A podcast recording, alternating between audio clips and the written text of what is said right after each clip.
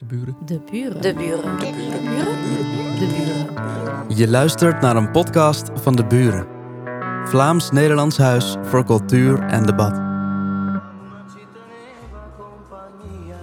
Ik eh, heet u van harte welkom bij de voorpremière van Phasmophobia. Dat is de nieuwe luisterserie van Pascal van Hulst en eh, Tom Hofland, die u allen ja, ofwel eh, persoonlijk kent. Het schijnt dat hij- In deze podcast hoor je het verhaal achter de nieuwe fictiereeks van de makers van de Blankenbergen tapes. Phasmophobia. Een duister verhaal over een Vlaams landhuis dat Raoul van zijn schoonvader krijgt. En dit is de trailer.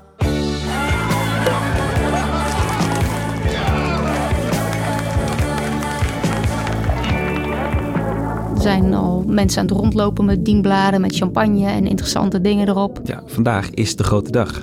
Vandaag gaat het gebeuren. muzikanten en bedienden. En zelfs een paar mensen uit het dorp kwamen kijken. Ja, wie de nieuwe buren waren, denk ik. Ik kende niemand op die bruiloft, behalve dan die paar gasten die al in het huis verbleven. Ik was ook niet per se uitgenodigd. Ik sla een paar glazen champagne achterover en ik eh, trek me even terug met mijn vriendinnen in mijn kleedkamer. En op dat moment lijkt het gewoon even een bruiloft zoals je daar eh, eh, ooit naar uitgekeken hebt en zoals je het je voor hebt gesteld. Die nacht werd ik wakker. ehm, en ik was nog een beetje suf van de wijn. En ik hoor een gebons. Ik voel me bekeken. Ehm, en ik wist dat ik alleen maar achterom hoefde te kijken om te zien wie het was, maar iets vertelde me ook dat ik dat niet moest doen. Precies of iemand was met zijn vuist tegen een muur aan het slaan. Terwijl ik met mijn ogen dicht op bed lig, voel ik ineens dat, dat er iemand in de kamer is. Het was precies of dat geluid kwam uit de muren zelf. Mijn naam is Oscar Kokke en mij is eh, gevraagd om... Je hoort moderator Oscar Kokke in een online gesprek met de makers. Tom Hofland, We hebben 17 uur materiaal opgenomen in echte marathonsessies. En dat moesten we terugknippen tot 2,5. en Pascal van Hulst. Het is eh, heel fijn om het eindelijk te kunnen delen. Ook wel een beetje gek. Het voelt een beetje alsof je hem eh, weggeeft nu.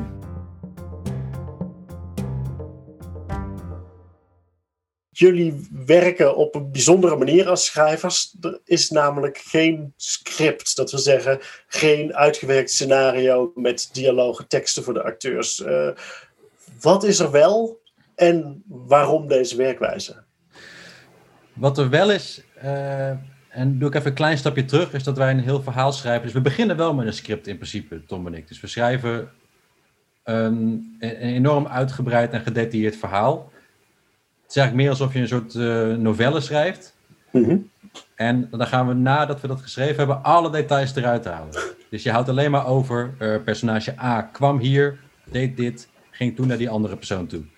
En die handelingen die krijgen alle acteurs op papier. Dus die krijgen van hun eigen personage krijgen ze precies waar ze waren, wanneer ze waren en wat ze toen deden. Maar ze krijgen niet precies wat ze toen zagen, wat ze toen voelden en, eh, en, en wat ze daarvan vonden bijvoorbeeld. Nee, en, en ze weten ook niet wat de andere acteurs hebben gekregen. Nee, precies. Nee, alleen hun eigen verhaal. En dan draag ik het stokje weer over aan Tom. Voor het waarom.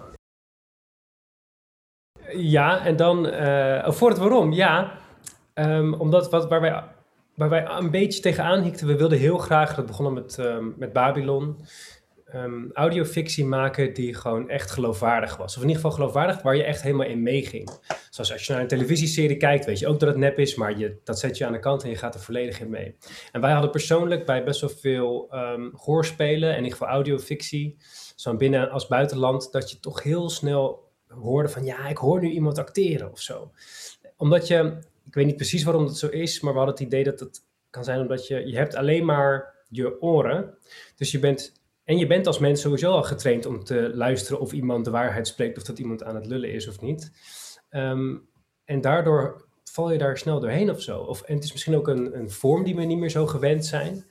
Ehm, dus we gingen zoeken naar een vorm waarin we wel een fictieverhaal konden vertellen, maar waarin de spreekstijl natuurlijker was.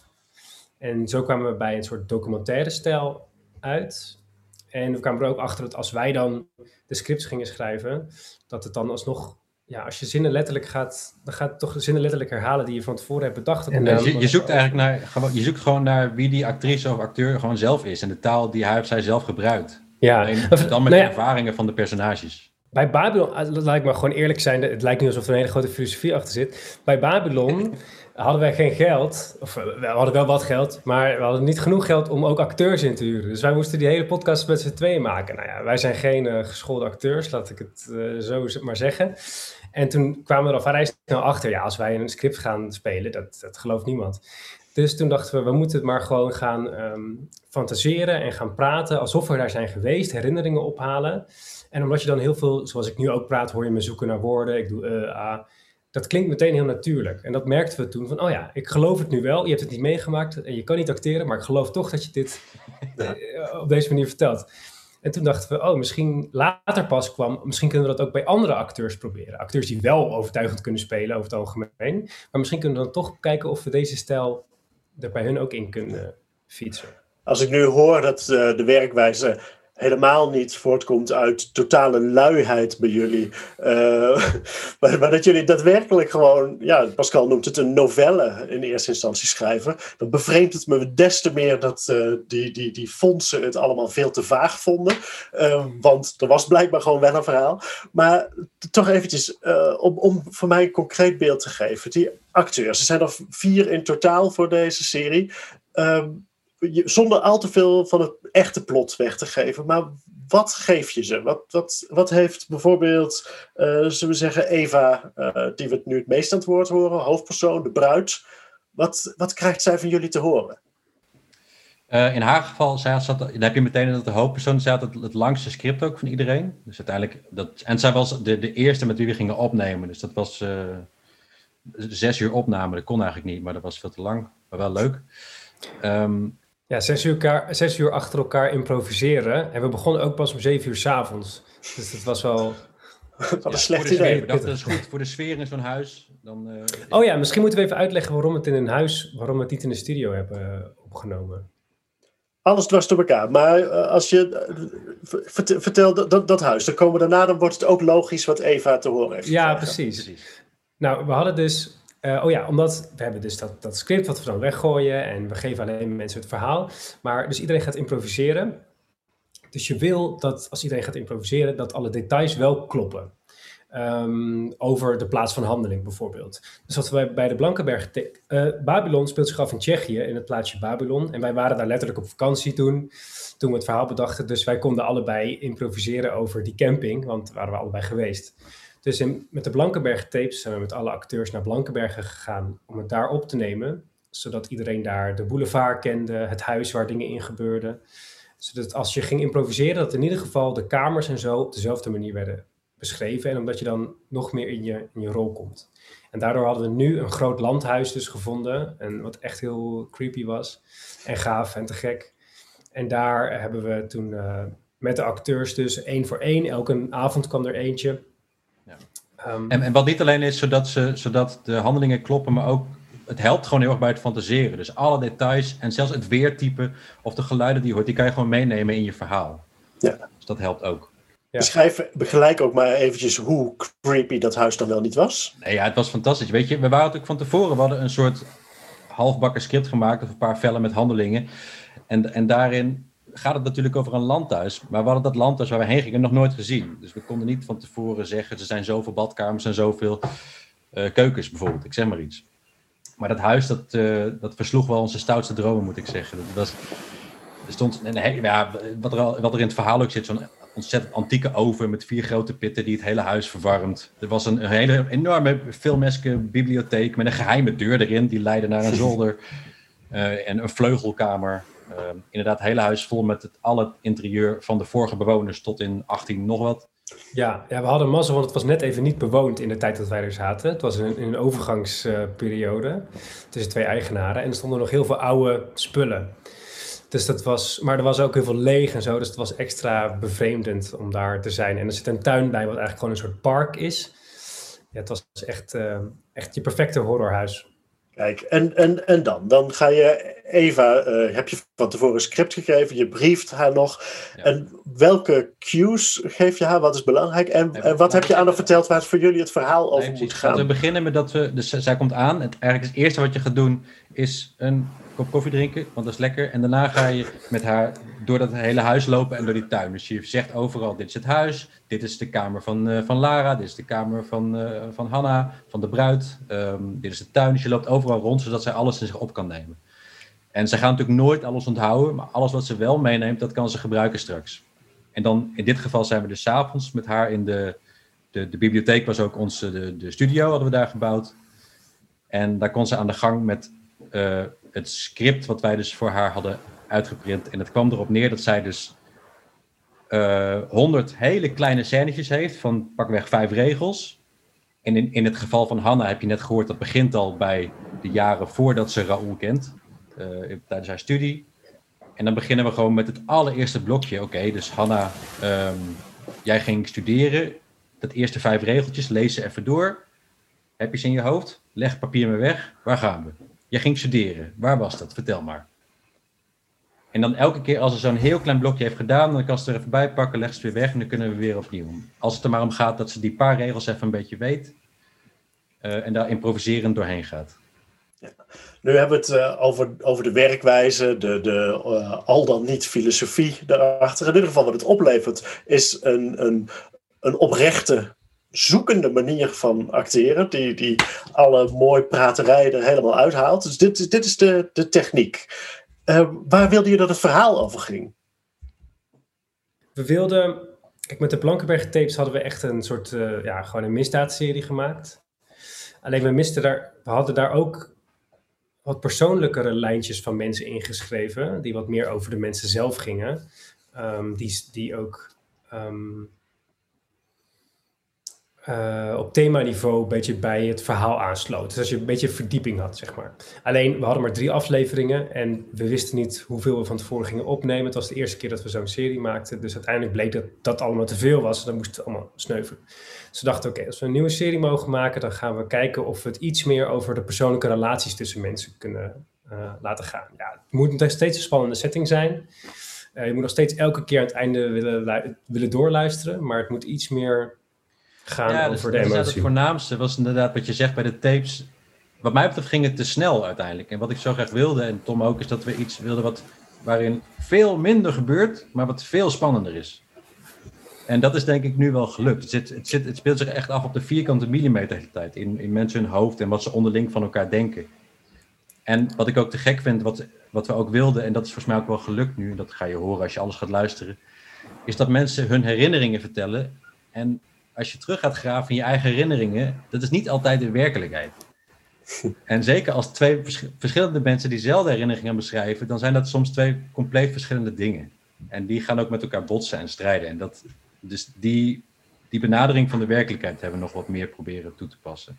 Zullen we eventjes een van de acteurs erbij halen? Want als het goed is zit eh, Marit Stokker ook klaar.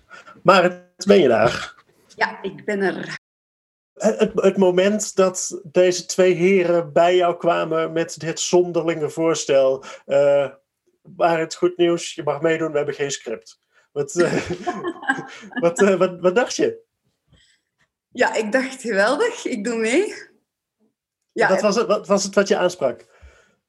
ehm, ah, wel, voor, een, voor een acteur is dat een absolute droom om te mogen improviseren.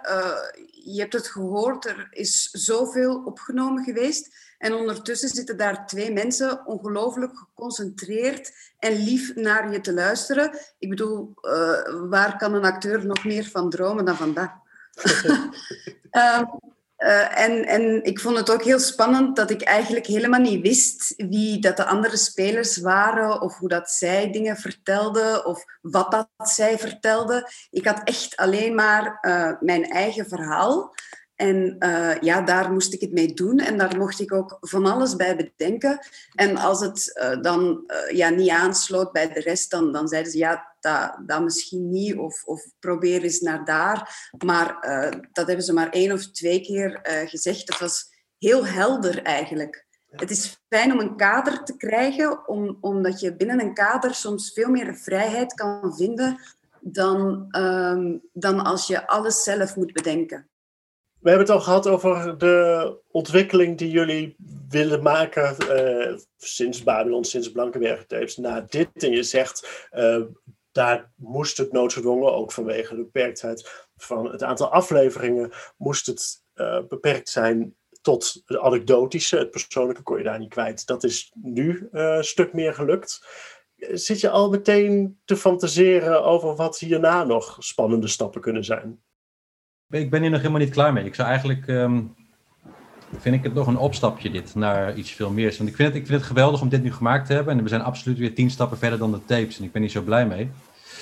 Maar volgens mij, eh, het lijkt me te gek om een. Um, wat je ook. Als je series gaat bingen, dan zit je vaak echt op. op uh, soms wel op tien uur, tien uur film of zo. Mm -hmm.